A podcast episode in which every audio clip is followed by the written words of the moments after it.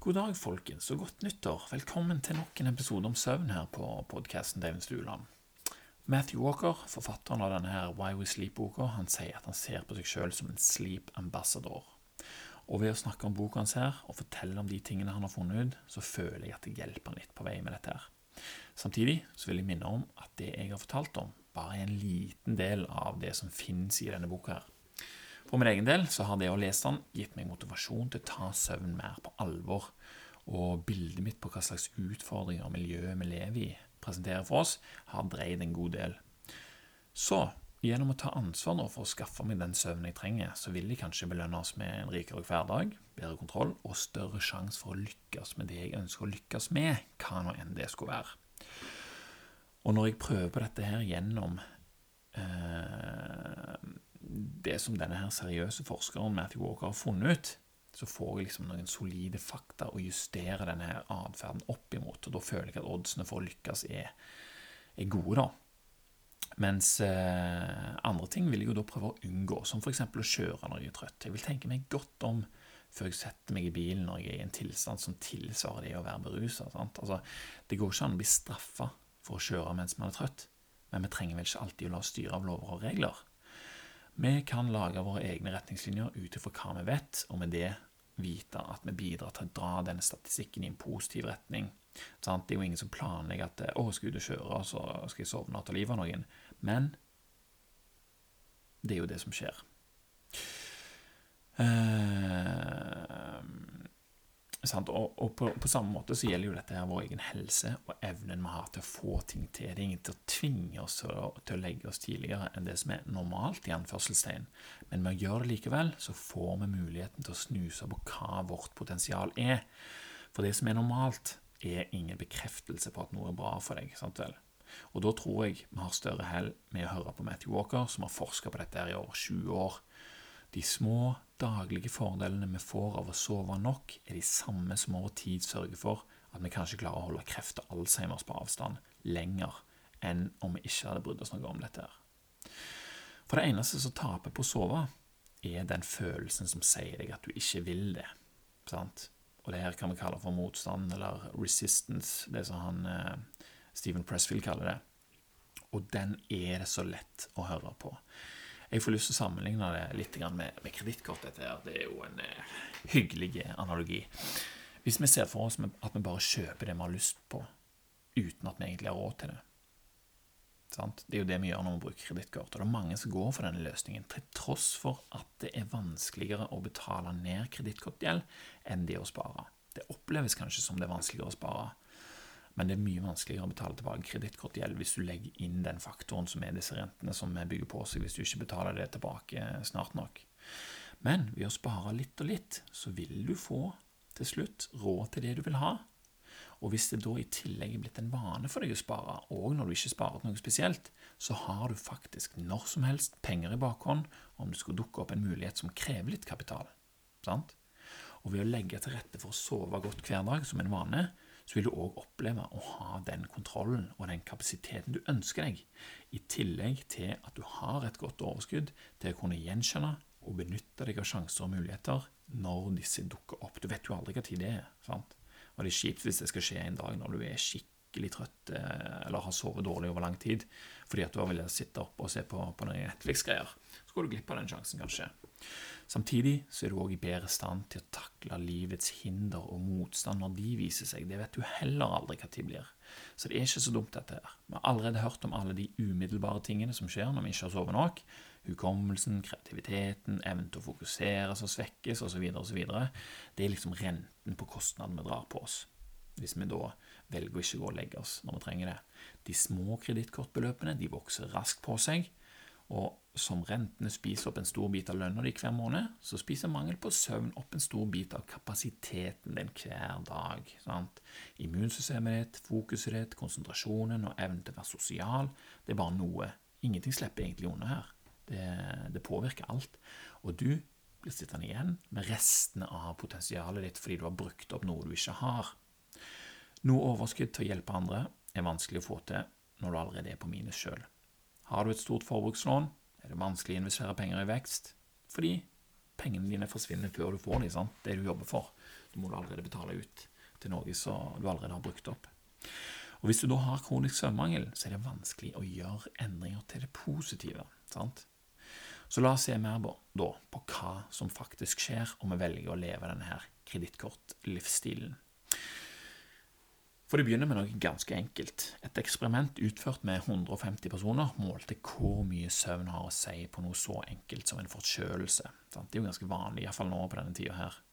Deltakerne fikk utdelt klokker som målte hvor mye søvn de fikk i ukene før eksperimentet, og så ble de deretter delt opp i grupper basert på hvor mye de hadde sovet, for så å få forkjølelsesvirus injisert med nesespray rett opp i eh, der forkjølelsen setter seg i nesen.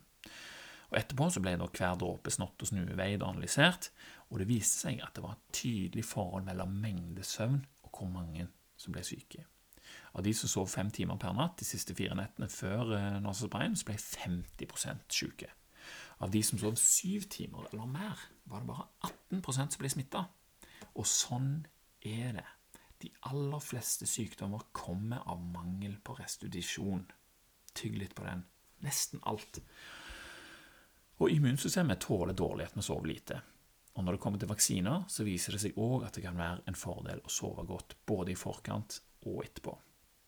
En standard influensavaksine ble gitt til to grupper mennesker. Den ene gruppa hadde sovet fire timer per natt seks dager på rad, mens den andre hadde sovet i ca. åtte timer. De sistnevnte de fikk en solid antistoffreaksjon, sånn som det skal være, sant? noe som indikerer et robust immunsystem, mens de andre stakkarene derimot produserte mindre enn halvparten av antistoffene til sine utsovne venner, og selv etter flere uker med nok søvn i ettertid, så fikk ikke disse trøtte stakkarene full immunreaksjon. Du kunne til og med måle det et år etterpå. Og det er her det starter, folkens. I det små. Det er denne nedtoningen av immunsystemet som etter hvert vil føre til den uoverkommelige gjeldsbyrden som det ikke er mulig å komme seg ut av uten hjelp. Det tar ikke mange nettene med lite søvn før kroppens immunsystem rett og slett er svakt, og kreft begynner så smått å bli et tema. For i kroppen vår så har vi naturlige drapsceller, som han Matthew kaller det. Eller han liker å kalle det for 007 agents uh, running around in our system. Uh, så de fyker liksom rundt der, og så oppdager de sånne ondarta celler. da. Og når de så oppdager disse onde cellene, så angriper de lager hull i cellekroppen og injiserer de med et protein som ødelegger de. Yeah! Altså, det er jo sånne vi vil ha. Og ja, da må du sove, vet du. For flere eksperiment utført på Universitetet i California viser at 70% av disse her 007-agentene forsvinner fra immunsystemet vårt etter bare én eneste natt med fire timers søvn. Én natt! Og det samme resultatet får vi når vi går flere dager på seks timers søvn, f.eks. Men hva skjer da, hvis du er vant med å sove seks timer i uker, måneder og år? Sant? Egentlig så trenger vi ikke å se det for oss engang, for det finnes et hav av studier som viser at skiftarbeid og ikke bare søvnmangel, men også forstyrrelser og justeringer i døgnrytmen øker oddsen for å dra på deg flere typer kreft. Agentene som skal ta seg av denne her begynnende kreften eh, når han er i det små, får ikke den samme muligheten til å håndtere situasjonen. Og En studie på 25 000 mennesker viste at seks timers søvn jevnt over økte sjansen med å få kreft med 40 og når allerede én av tre får kreft i løpet av livet, så er det en ganske betydelig økning i risiko. Og når du først har fått kreften, så viser det seg at han vokser 200% raskere hvis du har redusert søvnkvalitet. Og parallelt så gjør søvnmangelen og den raske veksten at kreften lettere sprer seg til andre deler av kroften, kroppen. Og du vet jo det, når kreften sprer seg, så er det straks mye, mye vanskeligere å behandle. Og da er det egentlig beine veien, altså. Først er det større sjanse for kreft, og når du først har fått den, så vokser den i en hastighet som gjør det vanskelig å behandle. Det går mot konkurs, og selv ikke luksusfellen kan få deg ut av den knipa her. Den negative renters rentereffekten er for kraftig, rett og slett. Og Det er derfor det er så fett å snu den og få renters rentereffekten til det positive, der du har overskudd til å få til det du vil hele tida, som du igjen kan bygge videre på og videre på fordi du har kapasitet til det. Men det er ikke bare kreft som suger her i verden. Som om ikke det var nok, så har vi òg den andre store skrekken som rammer store deler av befolkningen, og den har òg mye med søvn å gjøre. Alzheimers. Én av ti får Alzheimers. Og etter hvert som vi mennesker lever lenger, så er det selvfølgelig da flere som får det. Fordi det er jo lettere å dra det på seg etter hvert som alderen eh, øker. Samtidig så er det òg flere som får det etter hvert som samfunnet vårt, eh, samfunnet vi har laga til for oss sjøl, gjør at vi sover mindre. For etter hvert som eldes, så blir det vanskeligere å oppnå dyp NREM-søvn. Og manglende dyp NREM-søvn gir da dårlig hukommelse. Sant? For blir, du får ikke så effektivt flytta korttidsminnet over i langtidsminnet. Og dette er jo et vanlig symptom på Alzheimers og dårlig hukommelse. Og en annen av de vanligste plagene med Alzheimers er insomnia, eller at du ikke får sove. da. Og hvis du ikke får sove, så blir det enda vanskeligere å få NREM-søvn. Og da blir det enda vanskeligere å huske. Og dette henger sammen med oppbyggingen av et protein som kalles for beta-amyloid. Og beta-amyloid er giftig for eh, nevroner, og så dreper de hjernecellene som befinner seg rundt dem, sant? de som skal liksom støtte opp med dem. Og Av en eller annen ukjent grunn så gjelder dette spesielt det området helt foran hjernebarken, som står for mye av dette som innebærer dyp NREM-søvn. Og Pasienter med mest amyloid i hjernen det er de som får minst NREM-søvn. Og Da er det òg de som husker minst av det som skjedde i går, og de som får minst sjanse til å rense hjernen. For det skjer òg, ser du, i denne her dype søvnen. De får ikke overført nye minner fra korttidshukommelsen til langtidshukommelsen. Og så har du dette her andre som skjer under dyp NREM-søvn, at hodeskallen fylles opp og bader hjernen i cerebrospinalvæske, som det heter. Akkurat når dette skjer, så krymper cellene som befinner seg rundt nevronene. Disse kalles for gliaceller. Eh, og de krymper opp til 60% i størrelse. Og når de krymper, så får denne celebrospinalvæsken mulighet til å fylle alle krinker og kroker i hjernen. Og glia, altså dette glia, det kommer jo fra, fra det latinske ordet for, for, lim, faktisk. Så de drar med seg beta-amyloid og annet rusk som har samla seg der gjennom påkjenningen det faktisk er å være våken, altså vanlig forbrenning av energi. Så suger dette her ut igjen, og så blir det rensa av lever og nyrer så videre, og så har du liksom en frisk hjerne om morgenen. Og Her går det òg an å snakke litt om hva som gir mye det som du kan kalle for aske. Da, Når du har brent noe, så er det alltid litt aske igjen. Men hvor mye, eller hvor effektiv er brenselet, og hvor mye aske det er igjen etterpå, det har ganske mye å si. Sånn som f.eks. hvis du ser for deg at du skal brenne en, eh, en haug med papp. Ok, Så tenner du på, vroom, så brenner det. Det gir masse varme, men det tar fort slutt og det du har igjen etterpå, er masse aske. Men hvis du da hiver på bålet et par-tre eh, kubber med knusktørr fjellbjørk, så har du jevn varme over lang tid. Og når det er ferdig å brenne opp, så er det veldig lite aske igjen. Og sånn er det litt grann hvis du eh, Forholdet mellom de to det kan minne litt om forholdet når du brenner karbohydrater i hjernen, eller når du brenner eh, ketoner. Når du er i ketose, brenner du ketoner i hjernen, og det gir veldig mye mindre aske da, eh, enn hvis du brenner vanlige, vanlige karbohydrater. Så der kan du òg koke dette her i sammen med søvnen. Altså Hvis du sørger for at hjernen brenner ok, de brenner mest, eh, mest ketoner, så blir det en enklere jobb for dette gliasystemet, glymfatiske systemet, og rense opp i hjernen. Så her kan du legge inn en, en liten bonus der. Og Det glymfatiske systemet det er òg aktivt gjennom dagen, men det er opptil 20 ganger mer effektivt når vi befinner oss i dyp NREM-søvn. Så ut ifra dette så kan vi tenke oss at mangel på søvn gjennom det voksne liv, eller fra, helt fra ungdomstida, kan føre til at det bygges opp plakk av amyloid i hjernen, som gjør at du da ikke får nok NREM-søvn etter hvert som du blir eldre. Og det er jo da du egentlig trenger det eh, mest, på en måte. Trenger du selvfølgelig når du er liten òg, men da har du mye mer effektivt system, og du er mye mer bundet til døgnrytmen din enn enn hva du er når du blir eldre, når du er påvirka så mye av, av lyset og hva du gjør på dagene og sånn hele veien. Så, når du da ikke får dyp NREM-søvn, så gjør det at du får, ikke får fjerna amolid, som gjør at du ikke får NREM-søvn, som gjør at du ikke får fjerna amolid, som gjør at du ikke får dyp NREM-søvn, som gjør at du ikke får fjerna amolid, så har du det gående. sant? Dette er jo en ond sirkel. Eh, og det er jo det som skjer med de som får Alzheimers. En av de tingene som skjer. Så dette er liksom det de holder på å forske mye på nå, for å finne ut om eh, det går an å gjøre noe med lys og sånn. Jeg skal ta det litt senere, for å opprettholde denne dype NREM-søvnen eh, lenger ut i alderdommen. Og En annen sak som også med litt godvilje kan ses i sammenheng med dette, her, det er å spise sent på kvelden. For Dette, dette sto ikke i boka, men jeg hørte en podkast-episode med en som heter Sachin Panda på Stemtalk, etter tips fra Lars Baal. Og Der sier han at hvis du spiser for tett opp til leggetid, så vil ikke fordøyelsessystemet ha nok tid til å restituere seg. Og Vi husker jo tipset om å spise siste måltid ca. tre timer før leggetid, og det er ikke uten grunnlag. For fordøyelsessystemet trenger òg restitusjon. Og det foregår i den største pausen det har, og det er jo om natta. Så i løpet av 10-15 dager så har tarmlinjen skifta ut et helt lag med celler. Sant vel? Og det vil si at vi bytter ut ca. Ja, 7-10% av alle cellene i tarmlinjen hvert døgn. Men hvis det er fullt av mat i systemet til langt på natt, så er det ikke nok tid til å få gjort dette skikkelig, i tillegg til at du ikke får, eh, får uh, uh, produsert like mye veksthormon. Det er jo veksthormon som sørger for at disse cellene byttes ut. Så lite veksthormon, dårlig utskifting av celler, da har du plutselig et problem, og du kan begynne å få lekktarm. Det tar ikke mange dagene før vi begynner å slippe inn ubudne gjester gjennom den ufullstendige tarmlinjen. Og da kan du få en bråte med betennelser og autoimmune eh, sykdommer, som da vil kreve en fast daglig avgift av bl.a. immunsystemet ditt.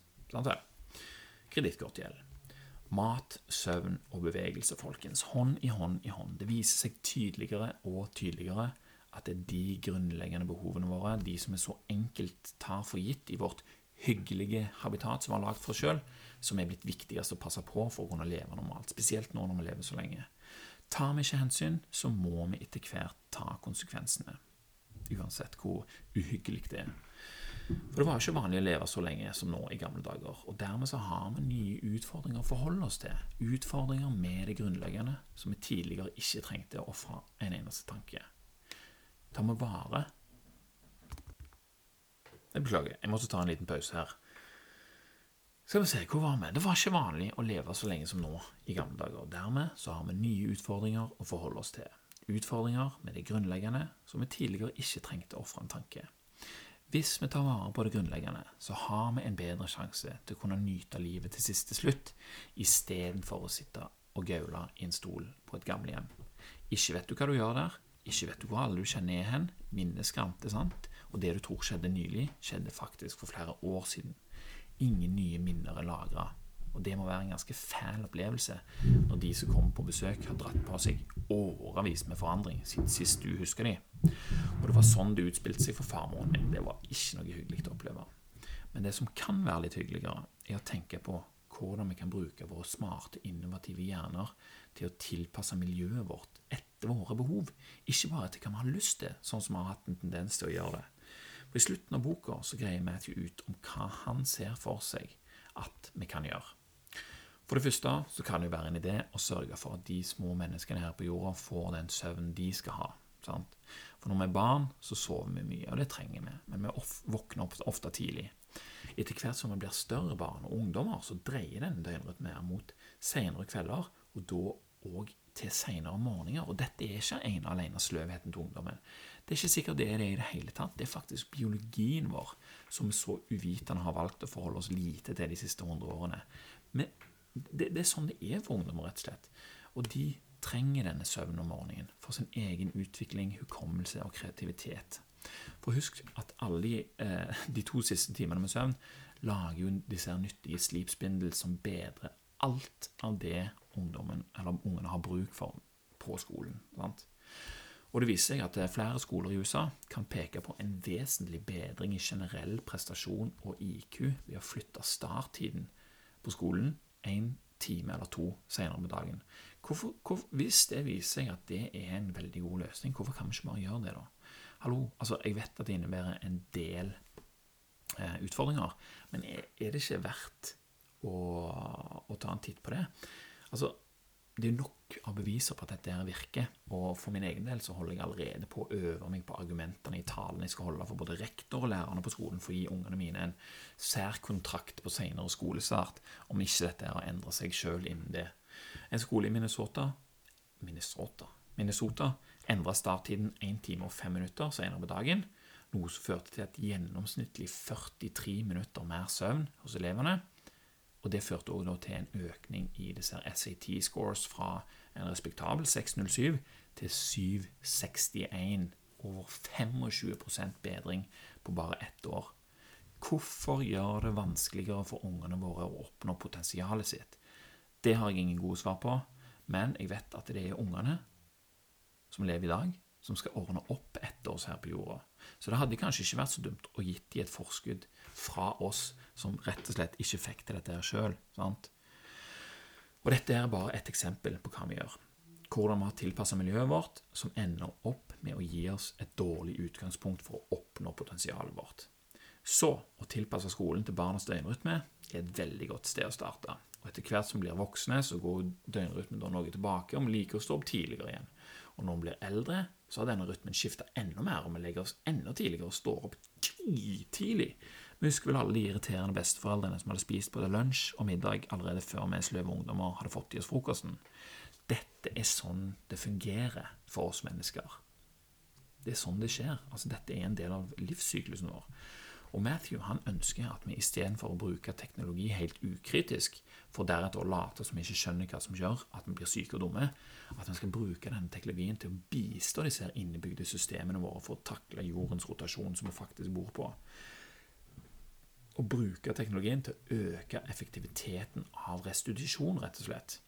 Se for deg at vi alle om noen år har smarte hus og smarttelefonene, som er så smarte at de har gjort oss dumme, de er blitt byttet ut med andre tekniske måleinstrumenter som måler det vi har å måle på kroppene våre. Sant? Puls og, eh, og eh, temperatur og alt dette her. Og dette, det, disse måleinstrumentene kan jo da kobles opp mot huset ditt, sånn at huset vet på en måte hva eh, hvem du er, hva slags døgnrytme du har, og, og hva du trenger.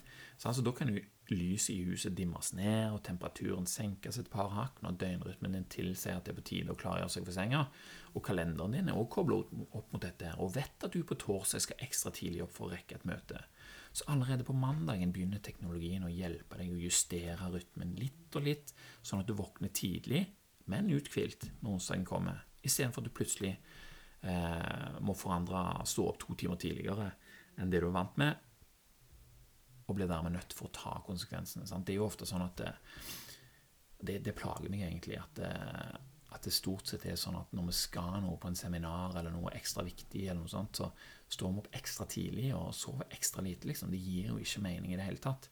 Så dette her vil jo være en enorm eh, forbedring av eh, effektiviteten på alle disse her møtene og og kurser sånn som vi skal dra på. Sant? Kurs eh, på to dagers kurs der første kvelden blir sittende til langt utpå kvelden og drikke øl, f.eks. Det henger bare ikke på greip. Du husker mye mindre det som har skjedd, og får mye mindre utbytte av det.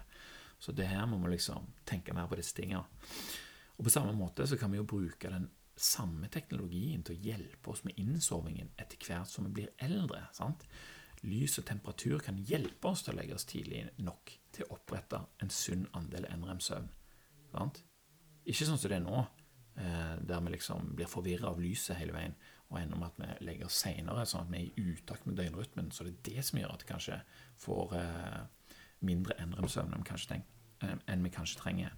Og Sånn har vi større sjanse for å opprettholde vår bevissthet til langt utover alderdommen, istedenfor at disse andre tingene som vi stort sett ikke tenker over, holder oss kunstig våken og forstyrrer muligheten vår til å sove som vi skal.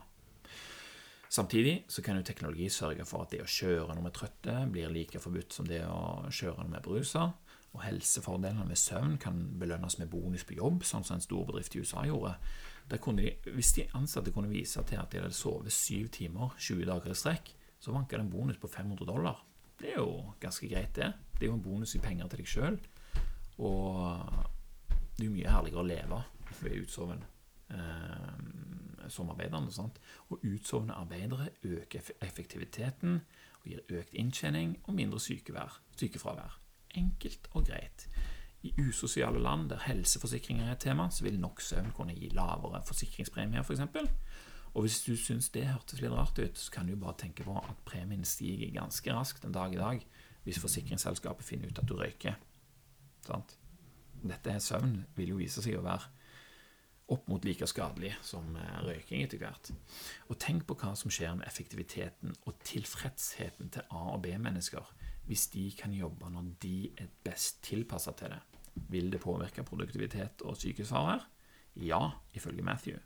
Og hva med kvaliteten på arbeidet til alle de trøtte legene og kirurgene som driver og stikker og skjærer i oss med, med søvn, søvnmangel tilsvarende 1 i promille?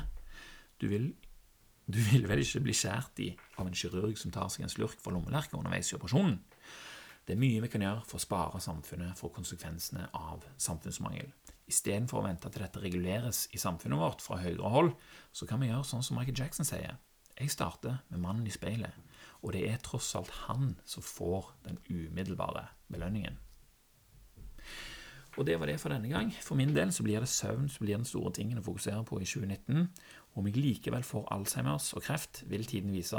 Uansett så vil jeg ønske alle et godt nyttår og ganske mange gode netter i dette nye året. Takk for nå. Takk for meg, og takk for at du hørte på. Så snakkes vi neste gang.